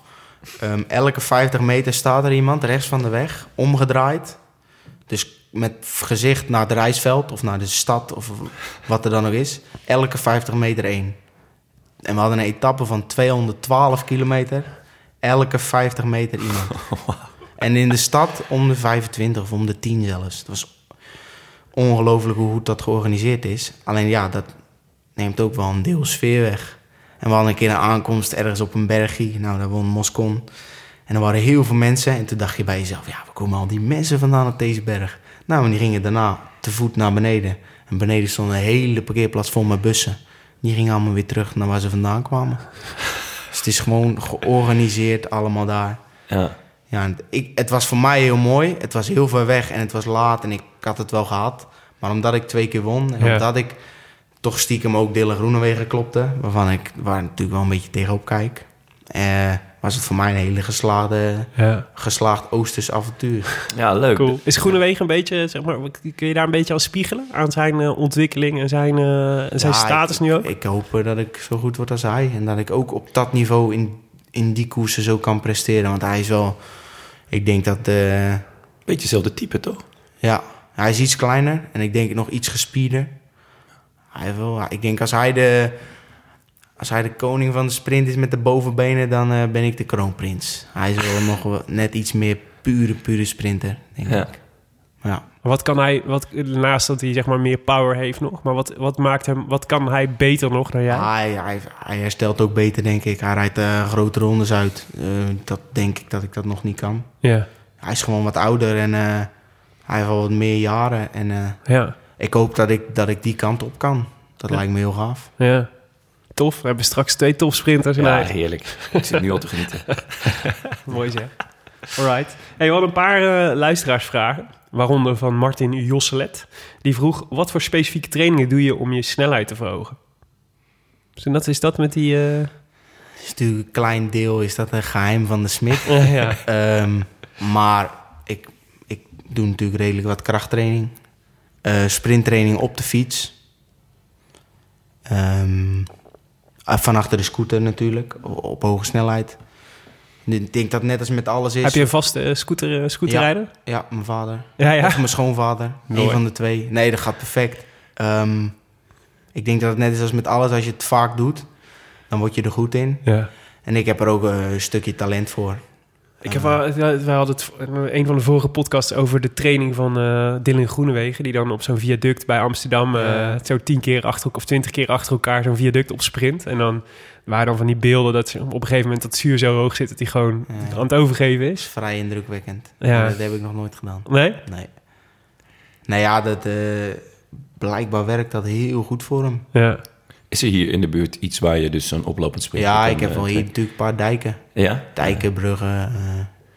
ja, ik, Dan is vanuit volop- de belofte hè, had ik Peter als trainer. En die, eh, die was daar ook fan een van. beetje een baancoach ook, ja, toch? Ja. die zei staande stadjes en ook tegen een dijk op. Eh, ja, eh, dat, daar leer je wel van sprinten. Alleen of dat je 6 seconden, 8 seconden, 10 seconden doet... of, of zware versnelling, lichte versnelling... uiteindelijk, als je die, eh, al die trainingsprikkels bij elkaar gooit... Ja. en je bent het type ervoor, dan word je daar beter van. Ja, ja. Volle bak die verzuring in. Ja, je moet het ook kunnen. Hè? Ik heb wel sprintjes gedaan met jongens dat ze zeiden... ja, ik ben helemaal niet moe. Die kunnen gewoon veel minder kapot maken. Ja. Ja. Eh, Ed Diederik77 vraagt... De mythe van het naar, je gro- naar zijn grootje trappen van een deel van je fiets. Welk onderdeel ramde hij nou in welk onderdeel? Was dat nou echt wegens too much spinazie? Je hoort het overal en het zweeft boven die jongen. Ehm, ja. Ehm, ik heb het voorseizoen gereden en toen had ik mijn fiets meegenomen naar een koers eh, om te laten vervangen. Het een en ander een ketting of een remblokken. Alleen toen kwam ik er dus thuis achter dat ik mijn cassette niet van mijn wiel afkreeg. Van mijn body. Wat was er nou gebeurd? Er zijn van die mooie gleufjes waar je je cassette over je body schuift. En ik had de cassette, die had ik dus een paar keer zo hard aangezet... dat die tandjes erin hadden gehapt. Dus het was niet meer net als een puzzel die je er dus uitschuift. Het zat dat vast. Dus toen moest ik met een schroeven draaien en wrikken. En toen kwam dat los. En toen zag je zo heel mooi van, van die streepjes in de cassette dat vast zat. Dus had ik mijn, eh, mijn cassette in mijn body gesprint. Toen heb ik dus dat wiel meegenomen naar Tour de Fjords. En dan bij het afdaten zeg ik tegen de mechanieke- mechanieker... oh, wacht, ik heb nog een probleem. Ehm, ik heb mijn, mijn cassette in de body gesprint. En toen zat Nicky ernaast en die zei... wat? Wat heb je gedaan? en eh, die heeft dat toen ergens, volgens mij bij Lauderstendam in de podcast gezegd. Ja, Ja. Zo is dat verhaal in de wereld gekomen. Ja. Ehm, toen zei Ja, je, zit wel goed in de, je zit wel goed in de kleine anekdotes van dit soort... eh, Ja, de, de- dus, dus die, die body was waarschijnlijk iets te zacht. Eh, denken ze, qua materiaal. Alleen er waren, heel weinig, er waren eigenlijk weinig jongens die er last van hadden. Ja. Behalve ik. dus ik sprint net even te hard voor de body van een roofalwiel. Mooi. Jo, Jens van der, ik ben blij dat dit is opgehelderd eindelijk. Jens van der Dol die vraagt: Is de koffie van Tante Annette een van de redenen van het goede presteren? Ja, dat is dus een van die jongens waar ik mee train. Eh, toevallig hebben ze vandaag een nieuw koffiezetapparaat. Dus ik ga vanavond langs. Eh, en ik ga het proberen. Maar eh, ze hebben daar lekkere koffie en het is gezellig. Ook een wielenfamilie, dus eh, daar kom ik graag. Ja, ik denk het wel, Jens. Wel even checken of ze schoongemaakt hebben. Ja, ja, ja. ja. Mooi. Eh, Jonne, heb jij nog vragen? Ehm, nou, ik zag net nog eentje. Oh ja, eh, van eh Lennart, 1973. Hij is benieuwd naar welke andere wielerheld je ook wel vernoemd zou willen zijn. Dus mocht het niet Fabio Cassatelli zijn. Ja, ik had wel naar Thor Hushoff dan. Dat was wel Ja? een mooie combi. Ja. Thor Jacobsen. Oh, dat is wel Ja, ik was een groot fan van Husoft. Mocht ik een zoon krijgen later, of mocht ik kinderen krijgen en mijn vriendin had akkoord, zou ik dat wel een mooie naam vinden. Toch? Ja, Thor. met de H erbij, hè? Dus Ja, ja. En, en zo'n O met zo'n tak, zo'n streep erdoor. ja, zou kunnen. Ja. Oh, is daar heb ik niet echt- over nagedacht. Nee, Thor, Thor Gewoon Hushoff. dat het zo'n echte Ja. kerel is. Ja, dat was echt een verdette, ja. Daar was ik een groot fan van. Ook iemand met een... Die is vetpercentage altijd al 15% gebleven volgens Dat mij. Bij wel een toch? beer, ja. Maar die had ook wel zijn, eh, zijn cassette aan gort getrapt. eh. Dat denk, ik denk Zo- als die je met ja. een roofalwiel had gereden. Ja, die had er ook zeker wel erin getrapt. Eh, oh, deze vind ik wel. In welke koers word je liever niet opgesteld? De Dauphiné. Ja? Ik heb de Dauphiné gereden afgelopen jaar. Ehm, alles wat daar naar de Tour wilt, wat hard klimt of hard rijdt, is daar. ja. En eh, dat is niet een koers. Je was kopman, hè? Sprintkopman. Nou ja, mocht sprinten. Ja. Ik heb de eerste twee dagen geprobeerd. Het was niet goed genoeg om, om de hu- hupjes over te komen. Ja, en daarna zijn het gewoon bergritten. Het is eigenlijk gewoon een... Ik had het idee dat het een soort Tour de France was. Zonder bus, zonder vlakke ritten. dus ja, Ja, nee. daar heb ik niks te zoeken. Misschien in de toekomst om sterker te worden, maar dan nog... Ja, eh, ik zat dit jaar in de bus met Sebastian Langeveld. En die loste me en die was ziek geweest. Eh, ik reed gewoon alleen. En ja, dan haal je het gewoon niet. Dat is wel het nare als je dan wel een grote ronde rijdt. Dan moet je ook al die bergen, grote hoge bergen... Ja, maar dan heb je misschien nog iets meer sprinters die dan bij elkaar... en dan hou je moraal en dan is het ja. tijdslimiet iets gunstiger. En eh, ik was ook gewoon helemaal nog niet sterk. Ik ben ook helemaal nog niet sterk genoeg om, om dat helemaal te verteren. Ja, grappig gesteld, want ik had dus eh, ook ehm, de, die Remembrance Race. Ja, Daar, ik had eigenlijk twee, dus, eh, de Remembrance Race en de GP Plouet. ja, Die heb je allebei gereden. En bij de Remembrance Race had ik het gevoel, je kan die afstand net niet aan. nee. En bij Plouet dacht ik, wat? Ja. En ik kan het gewoon, het lukt gewoon wel. In, in de Great War Remembrance Race Dan waaide je er echt af. was Gaviria kopman. Ja. En heb ik dus het eerste uur van de koers... Heb ik dus, moest ik op kop rijden. Ah, dat verklaart. Ja, we waren dus met een, we waren met een serieus goede ploeg daar aan de start. Ja, ontzettend goede ploeg. was ja. echt heel... Nicky was erbij en Yves was goed en Fernando was er dan. En na een uur schreeuwt Fernando in het oortje dat hij niet goed is. Ehm, en ik had zeker al, al, al- drie, goed drie kwartier, een uur attent gelet op kopgroepen, meegesproken, geschoven op een slimme manier. Maar... En eh, hij stapt af. Of we, we komen uiteindelijk in een eerste waaier en Fernando stapt half koers af. En die was sprinter. Ja, en toen zat ik met Yves van voren en eh, toen moesten we nog een keer die Kemmelberg over en het ging maar net. En ik had al kramp in mijn hamstrings. Ik denk, ja, maar ik moet erbij zijn. Want als die groep bij elkaar blijft en ik zit erbij, dan kan ik met, met een, zelfs kramp kan ik sprinten. Ja. Alleen dat wisten die mannen Dat van zei voren eh, ook. Jo- José de Kouwer zei dat ook, ja. Dat, Oh, ik heb laatst weer er kwam een foto voorbij en dan zie ik mezelf zo. Brian Vergoetem reed 200 meter voor me, die was ook gelost en ik zat er weer achter en ik ben uiteindelijk weer nog een keer teruggekomen. En Vergoetem die, die hoorde ik een paar keer in zijn oortje roepen: Ja, Jan-Willem rijden, Fabio is gelost. Toen dacht ik bij mezelf: Oeh, dat komt, wordt ook nog wel een keer vereffend, zeg maar. Maar ja, die, Karma is koers, een bitch. die koerstactiek snap ik wel. Ja. En eh, die Plouet zou ik dus helemaal niet rijden. Dus ik zou na de Great War zou ik gewoon naar huis gaan.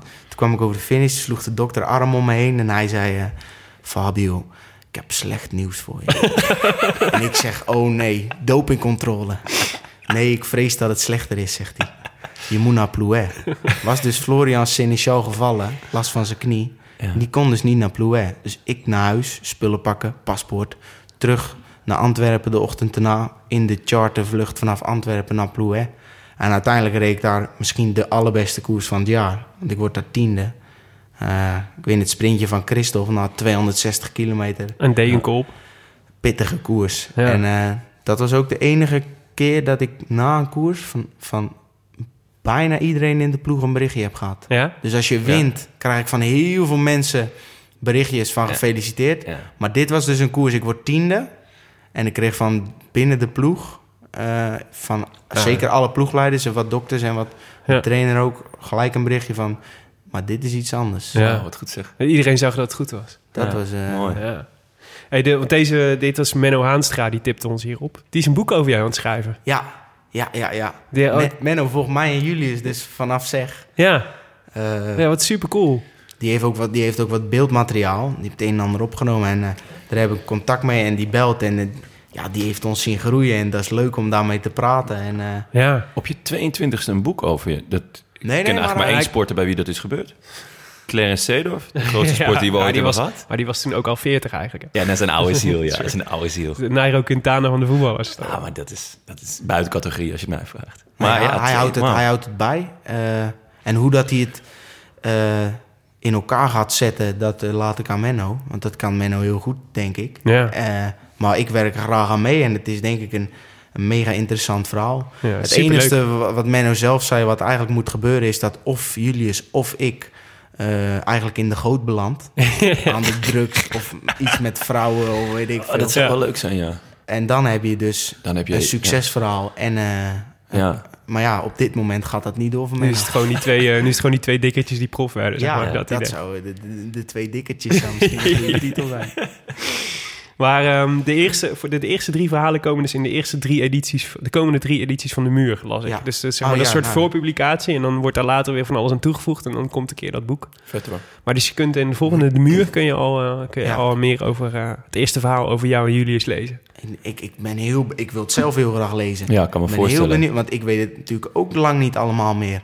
Ja. Want ik zal wel wat dingen verteld hebben waarvan ik nu misschien denk... Hoe, wat? Ah, Wat heb ik gezegd over Lefebvre? ja, precies.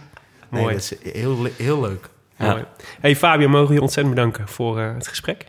Ik hoop Ja. dat je het een beetje leuk vond. Ja, zeker. Nee, ik vind dit heel leuk. Ja. Ja? Ik hoop dat jullie nog een keer, een keer terug mag komen. Of Ja, ja. Nou ja, en je, bent nu, zelfs. je bent nu officieel benoemd tot vriend van de show, hè? Dus Ja, dat, dat is, dat is een aparte status die je ja. dan eh, Ja. krijgt. Staatsapart. Dan heb je ook van die eh, bandjes op je, Ah, ja, ja. op je mouw tijdens de koers. Oh, dat is misschien Vriend van de show. een logootje. Zijn Ja, rood lantaarntjes. Ja. Nee, maar ik, ik luister graag naar de, naar, naar de podcast. Ah, dat is Ik denk sowieso, dat eh, Nederland... eh, ja, het is jammer dat de rest van de wereld er niet naar kan luisteren. In het Nederlands. Nou, we gaan... eh, leuk dat je het zegt. We gaan, speciaal voor Viviani hebben we hem vertaald in het Italiaans. Deze. nou, wij gaan wel... we gaan internationaal. Vandaag zelfs. Wij eh, reizen zo meteen door naar, eh, naar België. Ah, kijk. Naar mijn boy Tish. Ja, Tish Benoot. Dus eh, die zal wel in een aparte podcast... Ik ga, we gaan het niet mixen. Oké. nee, maar... maar nee, ja, dus... eh, Heb je nog eh, een goede vraag voor Ties? ja. Iets wat je van Tish wil weten? Nee, ik wil Ties vooral heel veel succes wensen komend jaar. Ja, Want eh, wat hij in Strade Bianchi deed was natuurlijk uitmuntend. ja. En eh, dat is denk ik sinds die vijfde plek in de ronde, of vierde Ja, of vijfde, ja, wel. vijfde, Dit is gewoon een dikke vette bevestiging dat, hij, eh, Hoe goed die is. dat het een hele goede kan worden. Ja, ja genieten. Of is al. Ja, nee, ja, maar ik bedoel, hè, dan, hebben we, dan praten we richting eh, misschien wel de ronde winnen. Of, maar ook vooral etappekoersen van, een- van, een- van, een een week. weekie. Daar eh, is hij ook heel goed in. Vorig jaar vierde in de Tirreno. Ja, nee, hij, In het eh, weekend. Ja, vooral dat ik hem heel veel succes wens. Ja, leuk. Gaan we doen. Gaan we doen. Mooi. U luisterde naar De Rode Lantaarn, gepresenteerd door uw favoriete bankzitters Willem Dudok en Jonne Seriese. De laatste doet ook de productie voor Dag en Nacht Media. Wij danken hetiskoers.nl, de leukste wielerblog van Nederland en Vlaanderen, voor de steun op vele fronten. En in het bijzonder onze trouwe redacteuren Maarten Visser, Bastiaan Gaillard, Leon Geuyen en Bas van Eyck. Als je wil reageren op deze uitzending, dan kan dat. Via Twitter zijn we te bereiken via Willem Dudok en @tongarçon op Twitter, waarbij de eerste O een 0 is. En eh Fabio Jacobsen, toch? Ja. Op Twitter. Ja. Met een K, met een K, Met een alsjeblieft. K, ja, dat is, eh, En eh, abonneer je vooral ook op iTunes en laat daar in elk geval even een reviewtje achter, zodat andere mensen de podcast ook kunnen vinden. Jonne, hebben we nog een leuke om voor te lezen? ehm, ja, denk het wel, ja. Van eh Mark-K1. Dus we hebben ook K1-liefhebbers die eh, ook naar onze podcast luisteren. Eh, hij, zegt bij gebrek aan knapperig verse recensies... een thumbs-up vanaf de bank in Groningen. Groningen-Noord, slechts 15 minuten fietsen van het dorp waar het tijdperk is opgegroeid. De Roland Taarn ontdekt halverwege de tour van dit jaar... en daarna alle oude afleveringen teruggeluisterd. Dat zijn er een hoop. Eh, praten over wielrennen zoals je dat met je vrienden in de kroeg zou doen. Soms gaat het ergens over, soms ook niet. Dat klopt, ja. Soms chaos, maar altijd vermakelijk. Dikke vijf sterren voor Willem en Tim. Waarbij ik een zesde ster zou willen geven op het moment dat de microfoon van Jon open gaat. Kijk nou, Nou, dat is lekker. Een man met kijk op zaken. Mark, Mark heeft, kunnen, Mark- heeft genoten het afgelopen Mark uur. K1, ja. dit is, alleen een- maar Jonne. Wat een klasbak zeg. Mark, nou ja, groetjes, eh, groetjes terug. Mooi. Nou, daarnaast moet je natuurlijk ook gewoon een keer je wielerminnende vrienden tippen dat deze podcast bestaat. Dat zouden wij alvast enorm waarderen. En dat helpt ook om, eh, om eh, meer mensen naar, naar de podcast te laten Te luisteren. lokken. Zo is het. Jonne, wij stappen zo eh, in de auto op weg naar Gent voor alweer de volgende special met jouw boy Ties Benoot. Ja, mijn boy. Die staat dus hopelijk ook nog in 2018 in je feed. Ja, Ehm, zeker. Voor nu eh, een, alvast een zalig ui- uiteinde, mijn beste luisteraars. En uh, a biento. A biento. I wish I could be in the south of France. In the south of France, sitting right next to you.